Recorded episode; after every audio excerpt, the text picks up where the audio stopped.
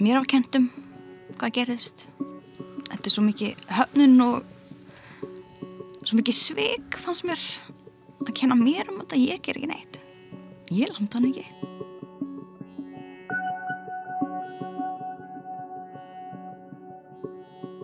Komiði sæl. Þetta er þriðji þáttur af Kverkataki, þáttaröðum heimilisofbeldi. Ég heiti Þórildur Ólafstóttir og ég heiti Viktoria Hermannstóttir. Í þætti dagsins beinu við sjónum okkar sérstaklega aðstandendum þeirra sem búa við og beita heimilisofbeldi og byrjum á stöðu barna.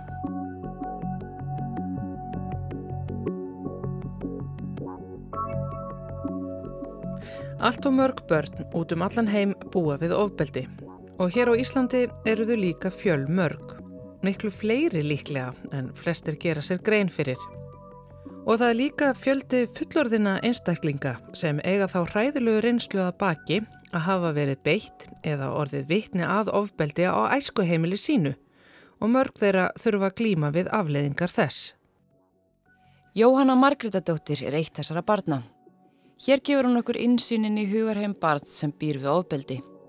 Við vörum við lýsingum og ofbeldi sem fara hér á eftir.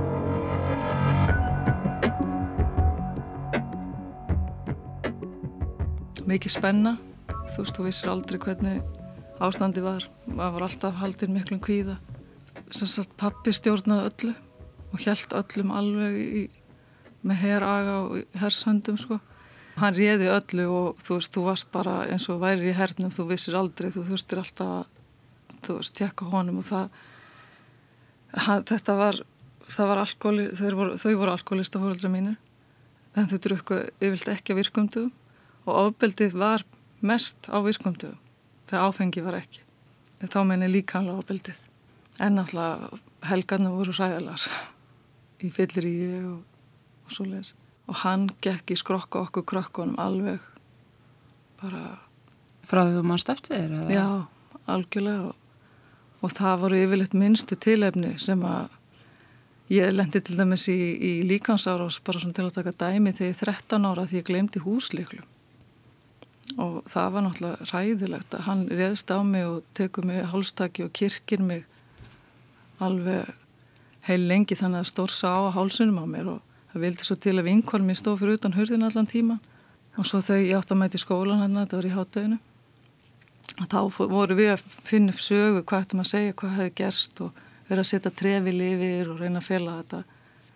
Og þetta náttúrulega er bara stór hættur líkansárás að fullornum stórum manni að ráðast á litla granna stelpu þú veist, þetta er bara svona dæmi það þurft ekki að vera eitthvað rosalega mikið þú vissir aldrei hvernig veðri var þú veist, það gæti verið að hlæja og hafa gaman og svo allt í einu datunum í huga ég átti að vera búin að gera þetta og þá bara var ráðist á mig og bara slegin og lamin. Og vissu, til dæmis virðinir í skólanum af þessu, vissu fólk almennt hvernig aðstæði voru heimilinu? Ég veit það ekki. Þetta var bara mitt líf, maður átti að þeia, þú veist, stundum átti ekki að opna hurðina, stundum átti ekki að svara símanum, stundum átti að hafa ljósinslögt til að fela ástandi og eitthvað svona. Þannig að það var ekkert, nei, Fyrir þér var þetta bara eðlilegt ástand? Ég vissi þetta var ekki eðlilegt að því mann því ég fór heim til annar að það fannst mér það allt svo æðislegt. Þannig að tilfinningin er svo slæm og innilökunarkendin þannig að, að ég vissi þetta var ekki í lægi. En þú veist, ég kunna ekkert, maður gerðs ekkert grein fyrir að þú getur farið eitthvað að tala við eitthvað.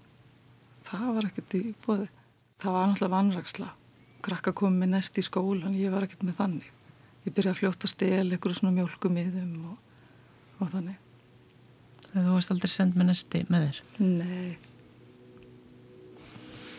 ekki nema sískinni hafi gert það eða ég gert það sjálf ef ég erði spurð hverju voru mínir draumar þegar ég var lítið stelpa þá var það bara komast frá þeim. Því miður, það voru mínir draumar og ég var alltaf að brainstorma hvernig ég ætti að komast í burti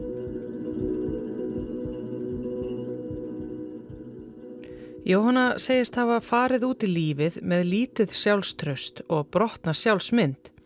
Það að alast upp við ofbeldi hafi valdið því að henni reyndist erfitt að setja mörg, brjóta upp minnstrið og því hafa hún endað ungi sambandi við mann sem beti hann á ofbeldi. Samskipti Jóhannu við fjölskylduna hafa verið flókin á fullorisárum. Aðeins örfa ára eru síðan hún hætti samskiptum við flesta fjölskyldumæðlimi. Hún segist á betur stað í dag, verið heilbröðu sambandi, komin í nám og í fyrsta skipti núna, komin á 50 aldur, treystir hún sér til þess að tala um ofbeldið.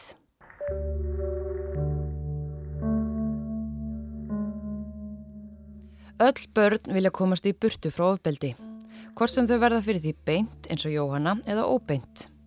Þau fullortnu tellir nefnilega ofta að börn viti ekki hvað gengur á, af þessi nóg að halda þeim utan við ofbeldið.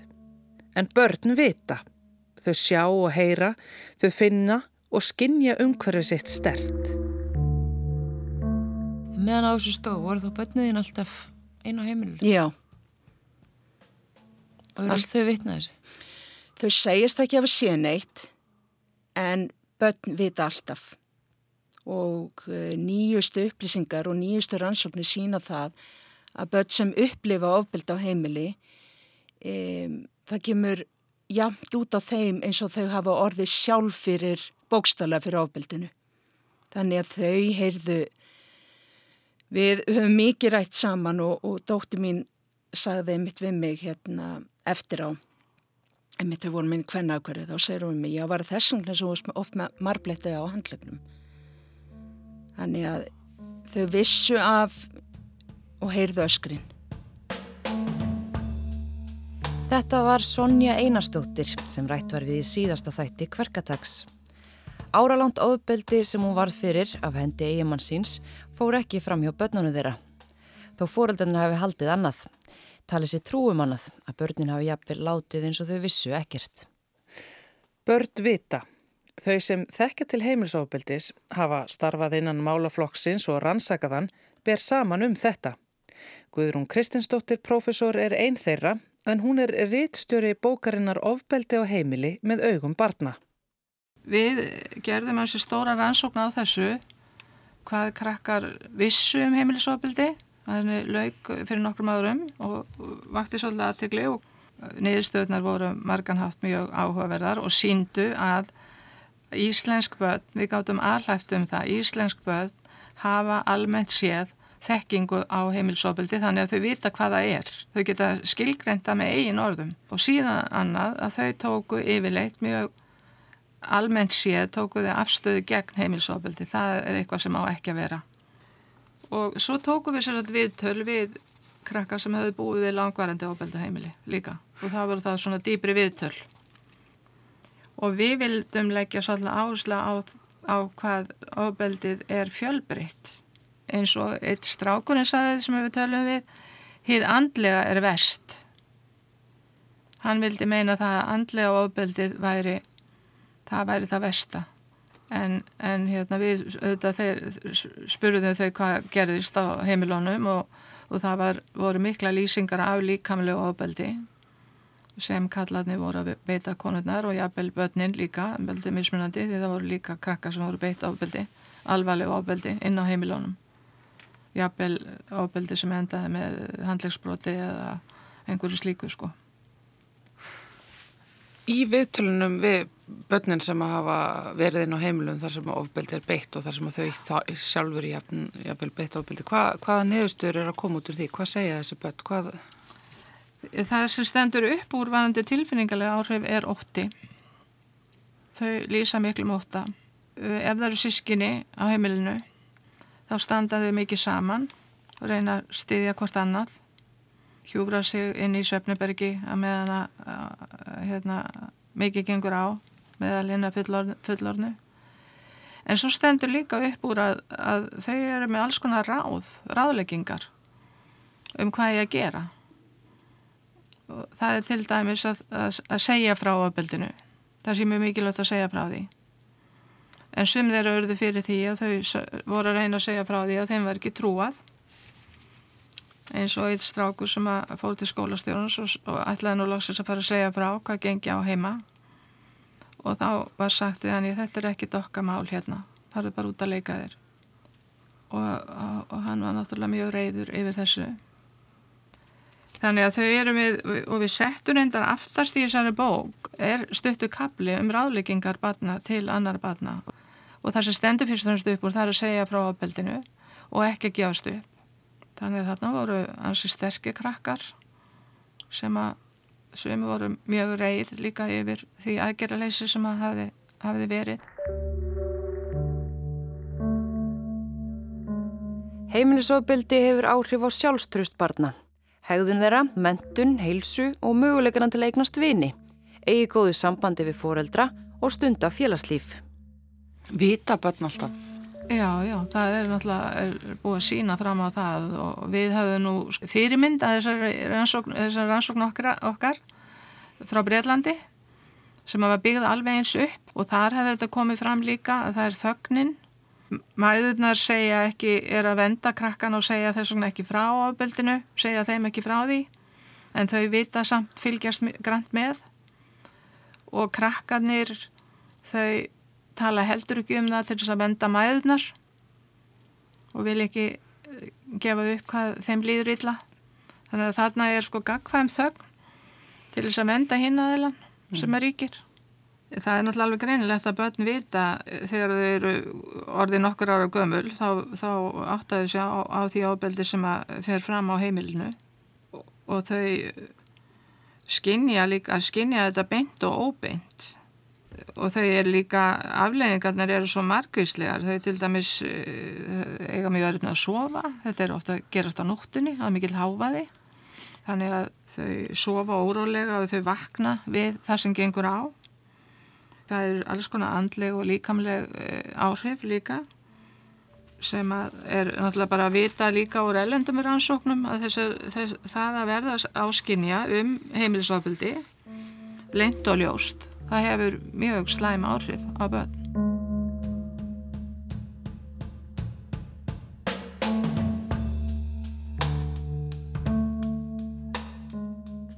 Áhrif heimilisofbildis á börn er oft mikil á sama tíma og þau eru vannmetinn. Og hér er mikilvægt að árétta að oft er ekki margtaku munur á líðan þeirra barna sem verða sjálf fyrir ofbildi og þeirra sem verða vitnaði. Það hefur áhrif að sjá fóreldri eða náinn aðstandenda beittan ofbildi horfi upp á afleðingar í formi áverka eða brotin á húsgagna, að upplifa ógnin á heimili sínu. Fyrir börn er þetta allt eins og að finna fyrir ofbeldi á eigin skinni. Börn bregðast við. Þau reyna ofta að fela tilfinningar sínar og vitnesku. Þau eru reið, finna fyrir skömm og óta, eru ringluð og örvendingarfull. Börn sem búa við heimilsofbeldi vilja fá hjálp. Þetta er alveg hræðilegt sem aðsendið að horfa upp á þetta geti ekki gert neitt. Þess að mér langaði bara vefja hann í svona búbluplast og bara koma hann heim bara verði hjá mér sko bara. En henni fannst hún ekki geta. Það var eitthvað sem stoppaði hann sem ég get ekki skilið. Eitthvað tök sem að aðeins þólendur held ég þekkja. Ég held að það sé náttúrulega ástæðan að hverju þeir fara aldrei út af það það telli sér ekki geta Þarna heyrðu við í Maren Rún Gunnarsdóttur. Lýsa því hvernig er að horfa upp á móður sína í ofbeldisambandi. Mamma mín eh, skilu við pappa minn þegar ég er 11 ára og ákveður að flytja til Englands um, bæði til að vinna úr sínum málum til að byrja upp á nýtt og, og, og ekki hafa neina þannig sér tröflunni sem hún segir. Kynni, þetta er fyrsti maður sem hún kynist úti og það sem hún er að vinna úr æskuðu málum sínum þá er hún svolítið opið sár. Og hún er bara fullkomið fórnalamp fyrir svona mann. Hann var voða kamó og fyrst og byggði okkur velkominn og voða spenntur að sjá okkur og virtist mjög almennilegur. En bróður minn, já okkar sem er hérna 6 árum eldri en ég, hann er bara í viku. Og eftir þessa viku þá er henni lætur hann maðurinn ljósitt skína sko, hann byrjar á munlegu ofbeldu við mömmu okkar og sínir bara svona ógnandi tilbyrði og skellir hörðum og, og kallar hann ímsum nöfnum sem að ég hef aldrei í rauninu hirt neitt segja við konan eða makan sinn áður. Þetta var alveg rosalegt svona sjokk. Ég, maður vissi ekki alveg hvernig maður átt að bregðast við.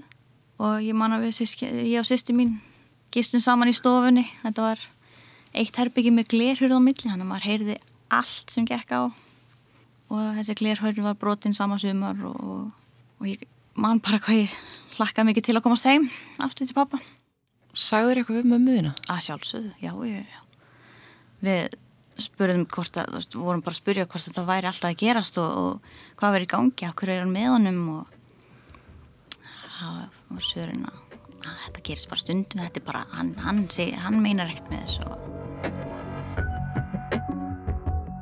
Marstu hvernig er leið þegar þú varst að fara að kveðja mömmuðina? Og... ég man bara, ég var við vorum svona í hysteríu á flöðullunum við sýstunum, við bara kondum með okkur.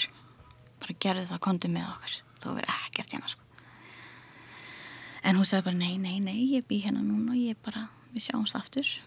Hún reyndi svona starpa ykkur stálið og sagði okkur hafa ekki áðugur það væri rauninni allt í góðu og þetta var bara eitthvað einangra tilvik sem það var í rauninni alls ekki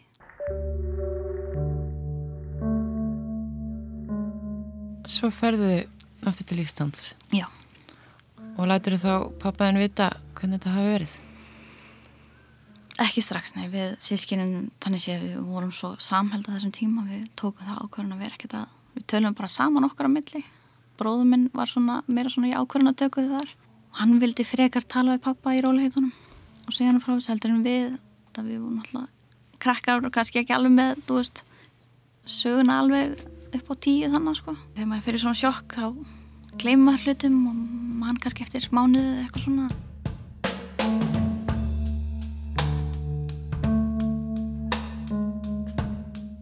Lífsískinana held áfram á Íslandi en þau óttuðust alltaf um móðu sína úti. Þau voru reglulegu sambandi við hana og hitt hann inn á milli þegar hún kom til landsins eða þau fór út að heimsækjana.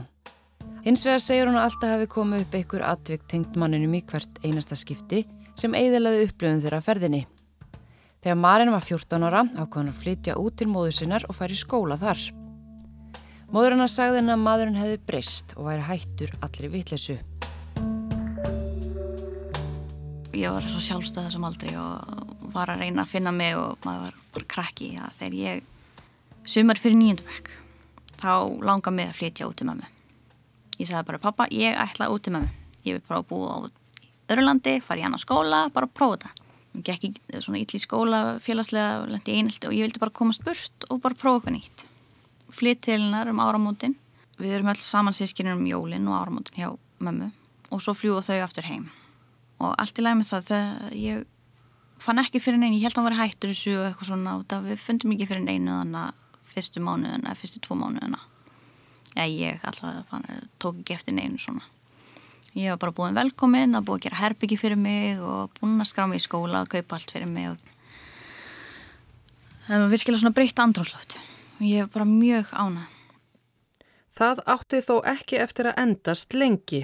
Maðurinn átti erfitt með veru Marinar inni á heimilinu og fannst allt sem henni tengdist vera vesen. Einn sundas morgun þegar ég vakna í mars þá er allt innu bara að vera öskra niðri og ég bara skil ekkert í hvað er í gangi. Og sé hérna að hann er uh, inn í eldúsi, mamma það líka og ég bara spyr mamma hvað er í gangi? Og hún bara Marin inn í herbyggi núna. Og þá byrjar hann að standa upp og öskra á hana og hann alltaf skildi aldrei hvað við vorum að segja sem betur fer og, og, og hérna og svo bara heyri ég næst brotljóðin í eldúsi og, og svo kallar hann á mig og segir mér að koma niður og hérna neyður okkur mömmu til að í rauninna pakka eigum hans. Út af hann allir svo að, að hunska spurtu úr svo húsi frá okkur út af við verum bara einhverju helvitis Íslandíkar og bara já við neytum semst til þess að pakka allir dótinu hans út af hann allir að fara í burtu. Á meðan þetta er þá er hann hann að lappandi um allt bara öskrandi og, og brjótandi hluti rústar algjössalega húsinu og, og maður er náttúrulega, ég er í svona miklu panik ástandi, svona, ég er svo hrætt og ég þúr ekki náttúrulega annað en að gera sem ég er sagt og hef aldrei verið í svona aðstæðum aður mamma mín einu alltaf að huga maður og hugreista mig og bara ver, verður sterk og komast í gegnum það.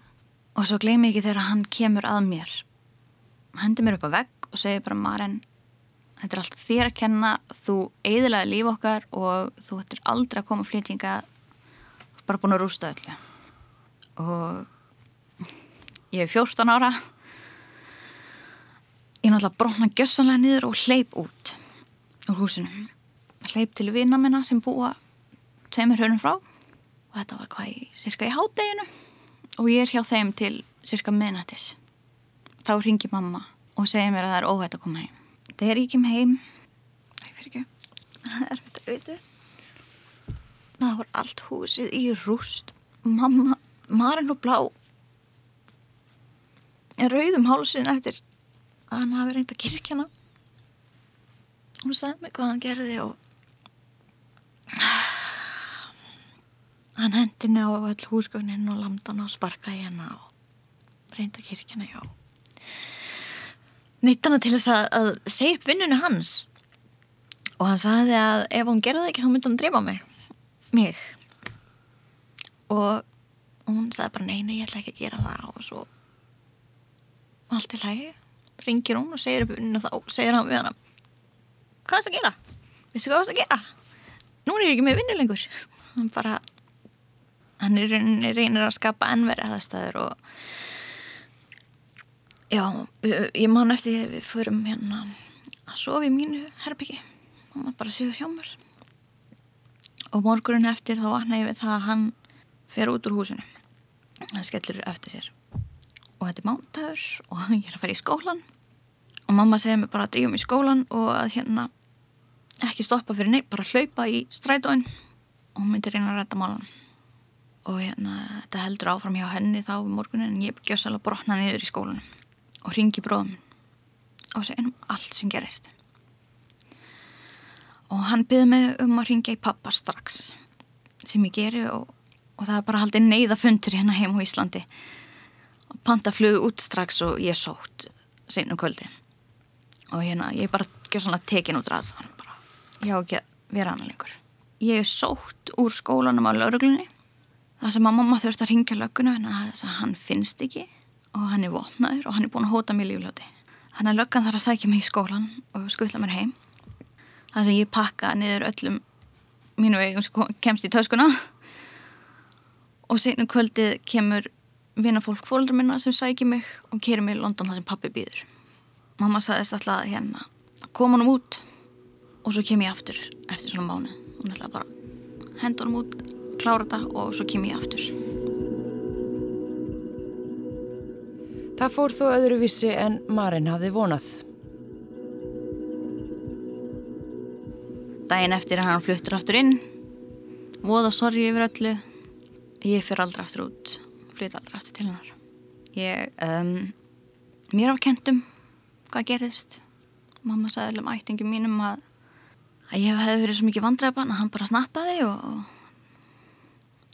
sem leiði til þess að ég tala ekki við með mín heilt ár eftir þetta. Bæðið, þú veist, þetta er svo mikið höfnun og svo mikið sveik fannst mér að kenna mér um þetta, ég ger ekki neitt. Ég landa hann ekki og þegar ég kem heim þá kem ég heim í umhverfið þar sem að í skólanum vinar hópurum minn það er komin ímsar sögur um mig ósannar sögur. Við talum að ég er í nýjundabekki 14 ára gömul, ég er ekki ánum 15 ára og það er bara verið að tala um mig á mjög neikvæðum átt og ég missi alla vini mína. Og hér er ein, einangra mig mjög mikið. Ég var bara al einn það sem eftir er. Veist, þetta var í mars þegar ég kom heim og ég var bara einn fram í svona þar til tíundu bekkubrjör þá kynist ég öðrum hóp en á þessum tíma þá bara já ég ekki svona loka með af. Eftir þennan tíma þá ég er henni, já, ég kynist nýjum vinum góðum vinum sem eru að þá vinum mín í dag. Ég kemst á betri stað en ég er alltaf með þetta á bakveg eira hvað er í gangi að núti ég veit að sískin mín fara á hittana og fara út í heimsókn og...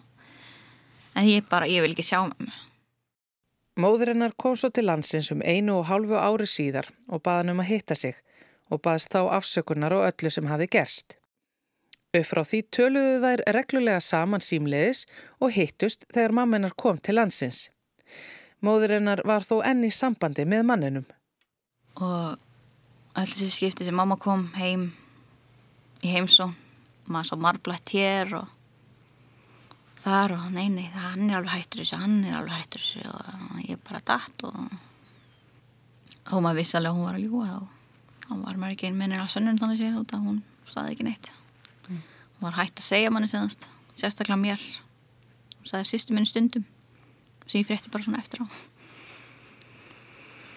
Svo árið 2015 þá var mamma bara í rauninu komið nóg.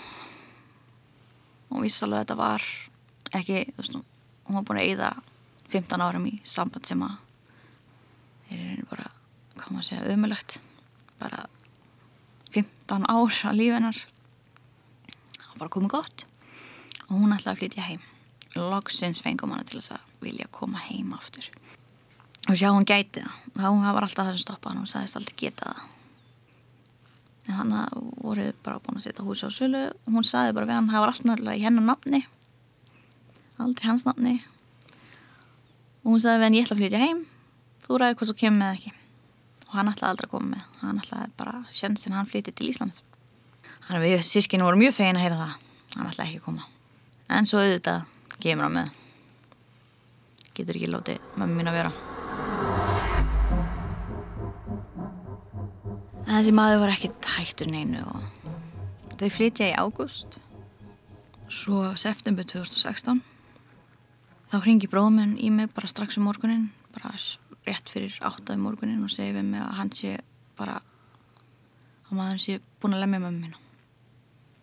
Mamma er upp á spítala og hann sé á leiðinu mamma hafi reyndar ringt í bróðminn um kvöldið en bróðminn ekki svarað.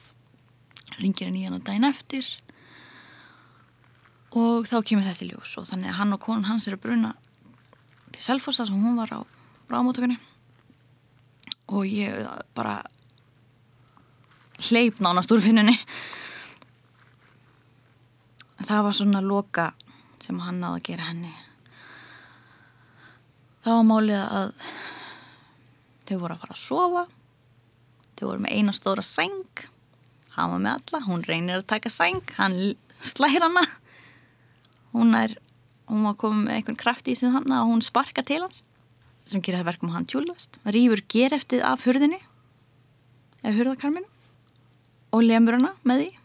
Hún er að setja höndina fyrir og, og hún held að hann hefði brotið þessar hendina og hann. Hleyp, nei, dregur hana fram úr rúminu á hárunu hleypur henni í eldús og hellir ísköldu vatni yfir hann alla og hleypur eitthvað fram og ábyggla að sækja eitthvað vond sem hann á hann henni og þá sér hún bara bólur bíliklar hurð út.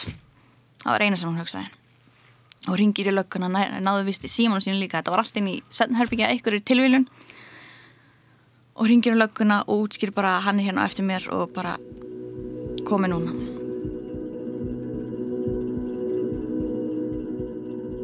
Maðurinn var handtekinn og í kjölfarið sleitt móðir Marinar sambandinu. En þá tók við langt ferli við að reyna að koma manninum út úr húsið þeirra. Það tókst á endanum eftir að hann hafði að sögn Marinar fyrst reynt að selja allt innbúið og svo rústað íbúðinni. Maðurinn flutti svo úr landi eftir að hafa verið dæmtur fyrir líkamsára á skegg móðurinnar. Hann held þó áfram að reyna að hafa samband við hana og fjölskyldan hefur lifað í óttaum að hann byrtist aftur á landinu. Sem var raunin, því nýlega sá fjölskyldumæðlumur til mannsins hér á landi.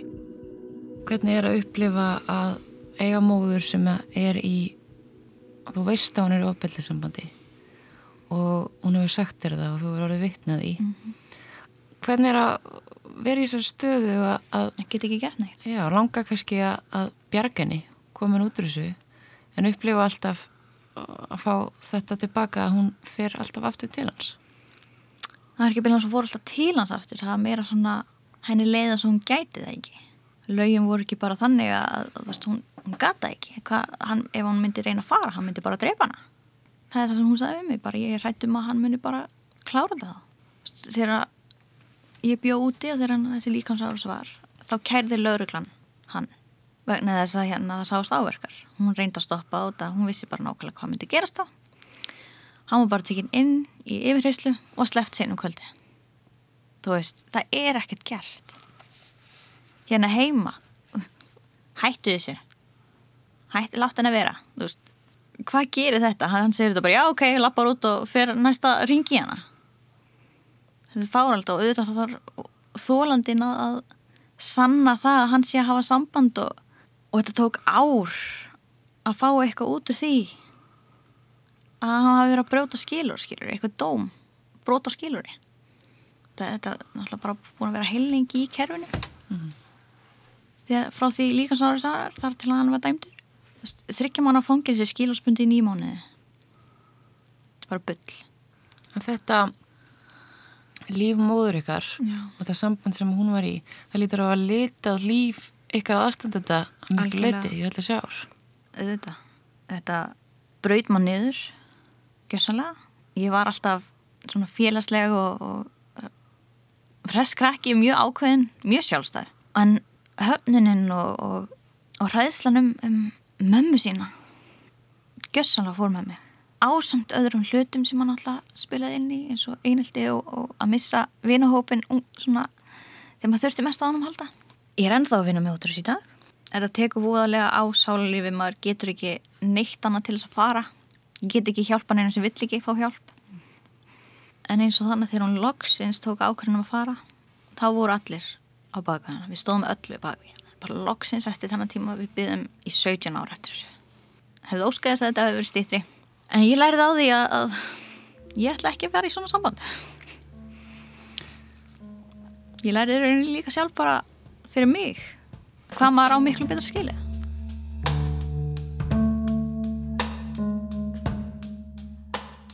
Sangat íslenskum lögum eru allir skilduðir til að tilkynna til neyðalínunar, batnavendanemda eða löguruglu ef grunur um að barn búi við óviðunandi uppeldisaðstæður eins og heimilisofbeldi.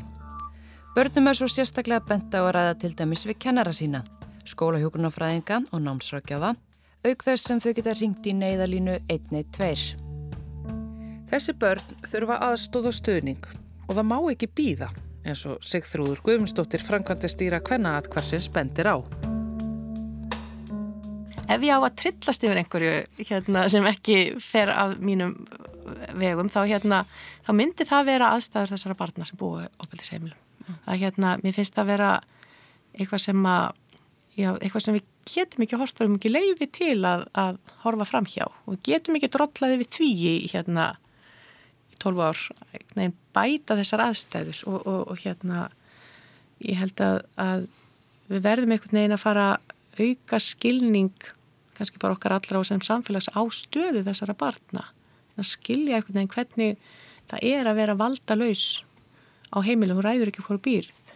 Við segjum við konurnar okkar að, að hérna þegar það er til dæmis er að fara aftur heimi og tóla óbeldismans og, og, og börnin eru með og þau eru skelvingulostin og, og vilji ekki fara og eru döðhrætt og vita alveg hvað býður þeirra og að þá tölum við stundum um það sko, konan á val þó hún kannski sjáu það ekki alveg eða upplifið það ekki alveg en börn hafa ekkit nokkurt einasta val. Þau hafa einhvern veginn ofta enga sem við getum snúið sér til e, og engin sem að spyrir þau hvernig, hvernig það er og ef það er tekið ef þau sína í skólanum eða eitthvað staðar hegðun sem er kannski bara algjörlega afsprengi af óbeldinu heima.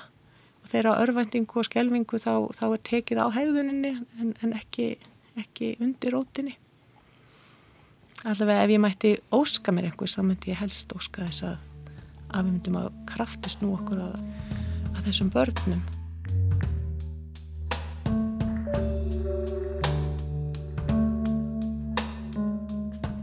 Börn eru ekki þau einu sem verða fyrir áhrifum vegna heimilisofbeldis. Fóreldrar, sískinni og vinir, nágrannar, vinnufélagar og ókunnugur jafnvel geta séð og vitað af heimilisofbeldi. Og hvað eiga þessir aðstandendur að gera á að skipta sér af og þá hvernig? Það getur einst mörgum erfitt að finna út úr.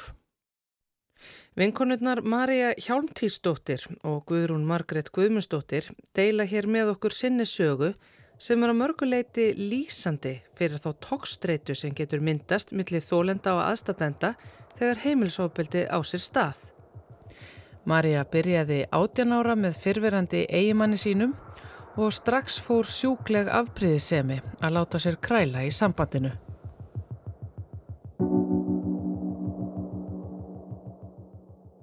Ég var orðin ólétt tvítug að fyrra barnin okkar. Það var ekki plönunum hjá mér en mér lág voða mikið á að sannfæra hann um að ég væri alveg hans að því að hann var svo afbrýðsamur. Mm. Hann kom til Íslands og ég þekkti fullt af strákum úr skólanum og frændu mína og hverfinu og, og bara átti vini og hann varð ég sá það eftir á þegar ég fór að lesa bref frá hann og þá byrjar hann, þá hann strax að skrifa hann af svo miklar áhyggjur um að ég verði ástfengin á einhverjum öðrum og, mm. og ég er strax farin að sannfæra hann um það að það sé engin annar og það er nú aldrei engin annar en þú. Og um leið og ég klára mentaskólan þá urðu við að fara til útlanda. Það bara urðu við að flytja frá Íslanda því Ísland var ömulegt að því allir voru ömulegir hér, alltaf mikið að kallmönnum ég var alltaf að hilsa kallmönnum og ég var alltaf að lendi í því að, að ég þóttist ekki sjá vini mína. Þannig að ég var farin að passa mig að horfa rosalega lítið á fólk sérstaklega kallmenn um, og svo þegar ég skoða myndir af mér frá því um tvítugt þá var ég alltaf klætt eins og strákur. Ég var í sömu fötum á hann. Þegar ég kynntist honum þá var ég í mínipilsum og haflum skóm. Þegar að hann, ég er búin að fara í gegnum afbríðis þóttavelina þá er ég bara svona að klæða mig svo hann. Ég er bara eins og strákur. Og máluð í smekkbuksum og skirtum á honum. Algjörlega kynlaus. Það er miklu þægilega mm. þá fikk ég enga aðtikli frá kallmennum og losnaði að díla eins mikið við það. Og svo náttúrulega rosalega hendið að vera bara ólitt því það er náttúrulega enginn hrifin ólitt um konum og, og, hérna, og þá á maður bann saman og þá hlýtur hann að vera góður. En það hjálpaði nú svo sem ekki tannilega til þá og þegar hann var, þegar ég var ólétt þá var hann klikkaðastur. Ég veit ekki hvað það var. Þá allavega lamdan mig og sparkaði mig og, og svo fór ég upp á spítala með einhver, einhverja blæðingar e, og þurfti að gista þar. Og hann lappaði grænjand út um allan bæja því hann að sem einhver ágjur að eða þú veist hvað var að gerast? En tengdi það ekkert við neitt sko Nokkrum árum síðar, þegar barnið þeirra var um 23 ára gamalt, þá fóð Marja í námi í mannfræði við Háskóli Íslands þar sem hún kynntist Guðrunumargreti. Þá voruð við mæja vinkonur eiginlega bara strax, mm -hmm. fljóðlega já, já. og, og urðum svona klíka með öðrum, þetta var rosalega góð, góður árgangur og allir voða miklu vinir og voða gaman og, og hérna ég er eldri, sagt, eldri en flesti krakkarnir, ég var sjálf búin að vera veist, erlendis og og, og sjálf í kúunasambandi og búin eignast börn, búin eignast börn og, og komin út úr því og komin út úr því með stæl svona, þá meina ég mjög opinská mm. og einhvern veginn með mína tilfinningur og hvað í fjandinu var ég að pæla og rosa grimmi sjálf á mig mm. þannig að ég kem inn í veist, mæja er í þessu ástandi og ég, á þessum tíma verði við vinkonu sko.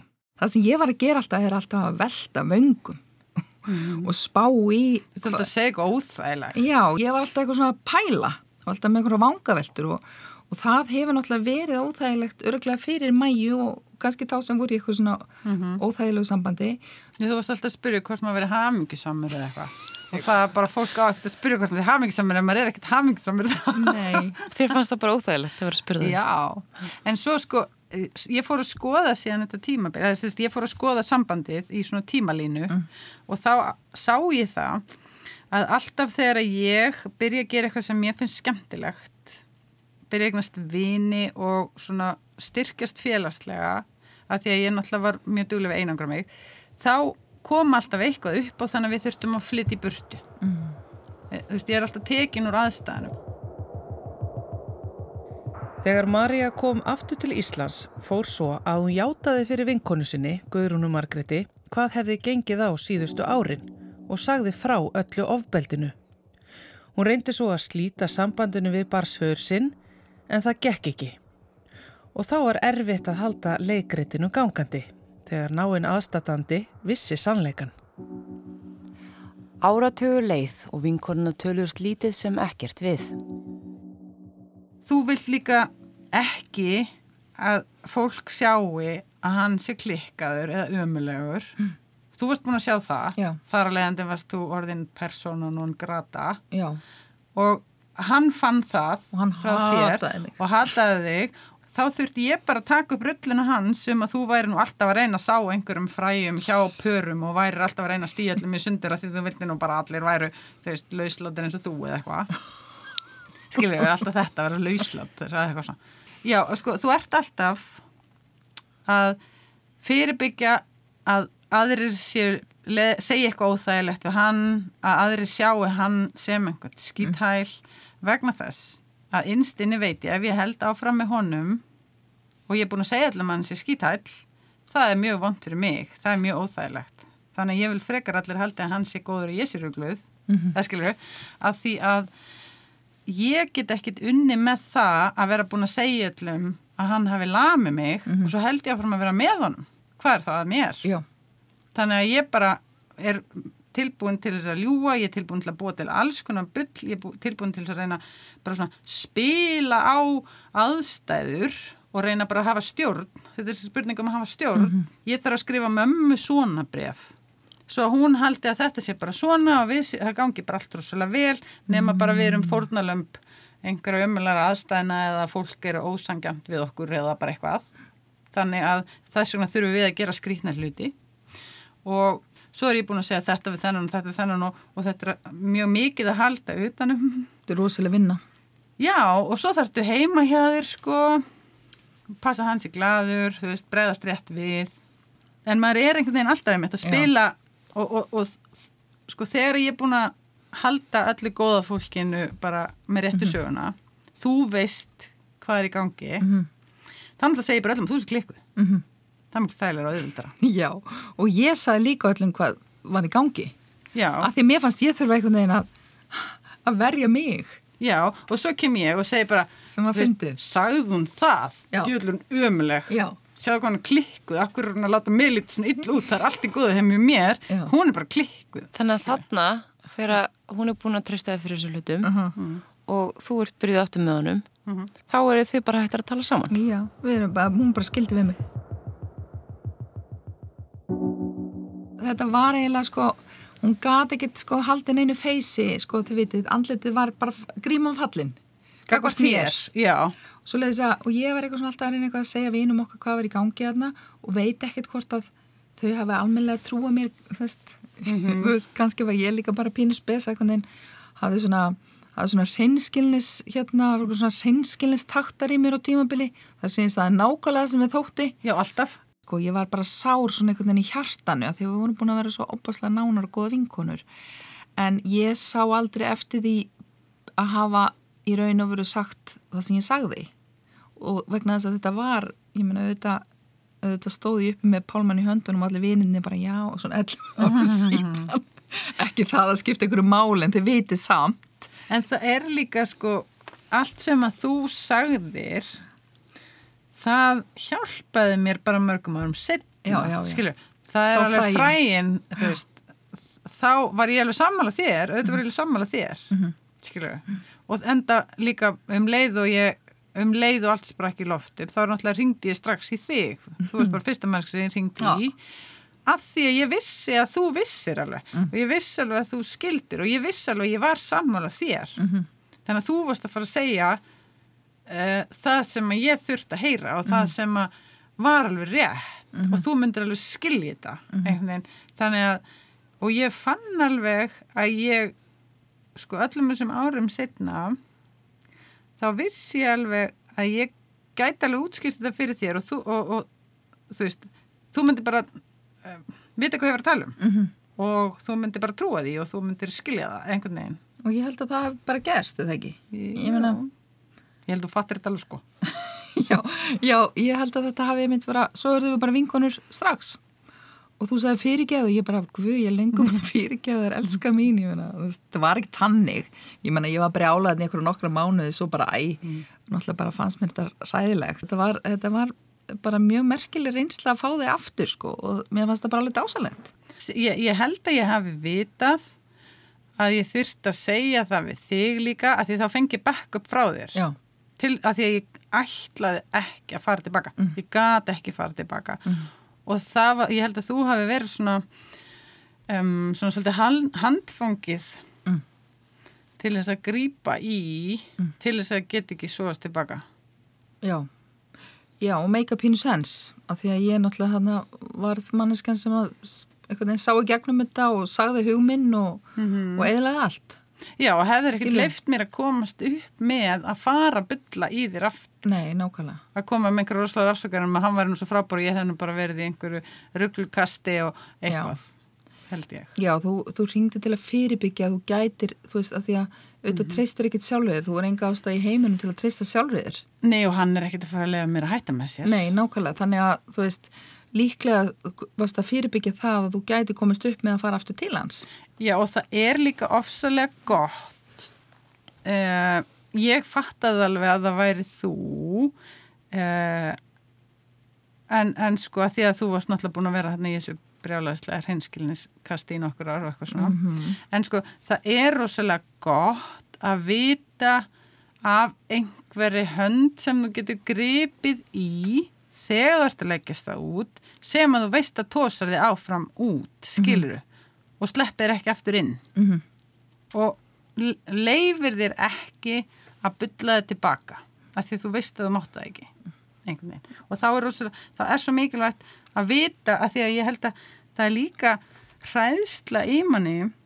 Þú ert búin að ljúa öllum þú ert búin að bylla í öllum. Ég er fullt af fólki sem bara trúir ekki sko, bön sem kemur út í þér. Mhm. Af því að þú ert að koma svo asnalega afsakan þetta er orðið bara bjánalegt. Fólk nennir þess ekkert einhvern veginn. Hvernig er ykkar sambútt í dag? Nei, við erum í miklu samskiptum í dag og Mhm. hérna og þetta var löngu fyrirgifið náttúrulega. Veist, þannig að 2011 svo lýsa að þetta var ekki veist, neitt, neitt að fyrirgefa sjálfsögðu. En hérna já, bara frábært en, en ég, við höfum ekki mikið rætt þetta. Ekki þetta? Ekki þetta mál við ræðum heilmikið margt annað en, og, og, við- já. og við, við höfum ekki sko, við höfum ekki sko, í raun og veru ekki held að það hafa ekkert verið tabú Mhm. að ræða þetta, þetta var bara búið. Þú þurft ekki að ræða þetta meir. En þegar þú ferst þetta símtel, hvernig varst þetta því? Við með það bara geggjað. Og ég var náttúrulega bara pínu svona wow, auðvitað var þetta glætar en það var orðið eitthvað gott. Ég meina, hvenær verða svona sambönd aftur góð eftir svona hrylling og, og mikla kúun svo þess að ég var bara þú veist, ég var bara endur heimt mæju og mér leiði mjög vel, sko. Og ég var líka, sko ég var líka hugsa yfir, sko það að segja hluti. Ég, svona, setna mér líka misti annan veginn úr svona svipu sem ég nú ekki fengið aftur. En hérna en maður á í raun og veru ekki að þegja ef maður veit betur og, og, en sko, svo verður maður alltaf að skoða sjálfa sig sitt eigi hjarta ég meina, er maður að segja þetta hvers vegna? Akkur er maður að vara mannesku við eða reyna að, að hérna, reyna að tala við hann um þessi alvarlegu málefni? Erstu stödd í krísu, er eitthvað að? Ég meina, þetta er mjög erfitt. Heldur að það hjálpa þér að, koma þér út úr þessu sambandi og, og í skilnaðinum að hafa haft sambandi við hann aftur? Já, það held ég. Eins og heyramá er oft sársökafullt, erfitt og flókið að vera aðstatandi fólks sem er fast í viðjum heimilisofbeldis. Hægt er að fá ráðgjöf frá bjarkarhlýð eða hvenna atkvarfinu. Sigþrúður segir enga eina leið vera rétta en þöggun og meðvirkni er hins vegar ekki í bóði. Mikilvægast sé að þóra að skipta sér af. Ég held að sagt, ástæðin fyrir því að svo fá að gera eitthvað sé einmitt bara veist, þessi spurning hvað á maður að gera og, og, og ræðslan við að, að, að gera eitthvað vittleysu og, og hérna ræðslan við að lenda einhverjum óþægilegum aðstæðum. Og ég held að það sé líka það sem á, á eigi kannski við okkur sem, sem sýstur og vini og, fóraldra og svona að kunni ekki að breyðast við. En ég held að það sem er svo mikilvægt að, að hérna fyrsta lagi held ég að sko við verum að hafa í huga að ef það er erfitt að spurjum það þá lítur að vera ofbáslega erfitt að segja frá því í óspurðum fréttum. Þannig að maður er svona velta fyrir sig hvort vinkuna eða sýstir eitthvað sé í óbeldi sambandi og það er eitthvað svo pínlegt að ég þór ekki að spurja hver er þá líkunar að hún segi mér það bara svona yfir, yfir, yfir kaffibotlanum þannig að því erfiðari sem spurningin er eða afskiptin eru því held ég að þau mikilvægari séu þau. Og ég held að það sé bara mikilvægt að, að, að leifa fólki að tala og, og, og hérna bjóða fram aðstóð og, og það getur líka verið svolítið frústrarandi af því að við viljum kannski með okkur sem okkur þykir væntum er í ofbeldisamband og ég fréttaði í dag þá vil ég bara ofbeldinu sambandinu ljúki í dag ef að, ef að hérna og, og, og það er erfitt stundum að vera í þeim spórum að þurfa átt að segja á því eða sætta sig við það að þetta tekur lengri tíma heldur en að mér myndi finnast þetta ætti að gera sem, sem ástvinni hérna þólandans Þetta var þriðji þáttur af kverkataki, þáttum um heimilisofbeldi. Ég heiti Þórildur Ólastóttir. Og ég heiti Viktoria Hermastóttir. Úlvildur Eistensdóttir sá um hljóðsetningu. Þættirnir eru aðgengilegir í spilarrúf og á hlaðvarpinu. Í næsta þætti höldum við áfram að fjalla um heimilusofbeldi og afleðingar þess og beinum meðal hann sjónum okkar að gerendum. Og eitt af því sem að einkennir þá sem leita aðstóðar er að þeir eru mjög óöryggir í að setja mörg, þeir eru mjög óöryggir í að tjá tilfinningar sínar og þeir hafa ákveðna tilhengu til að beina öllum neikvæðum tilfinningum í sama jarðveg, þar að segja reyði.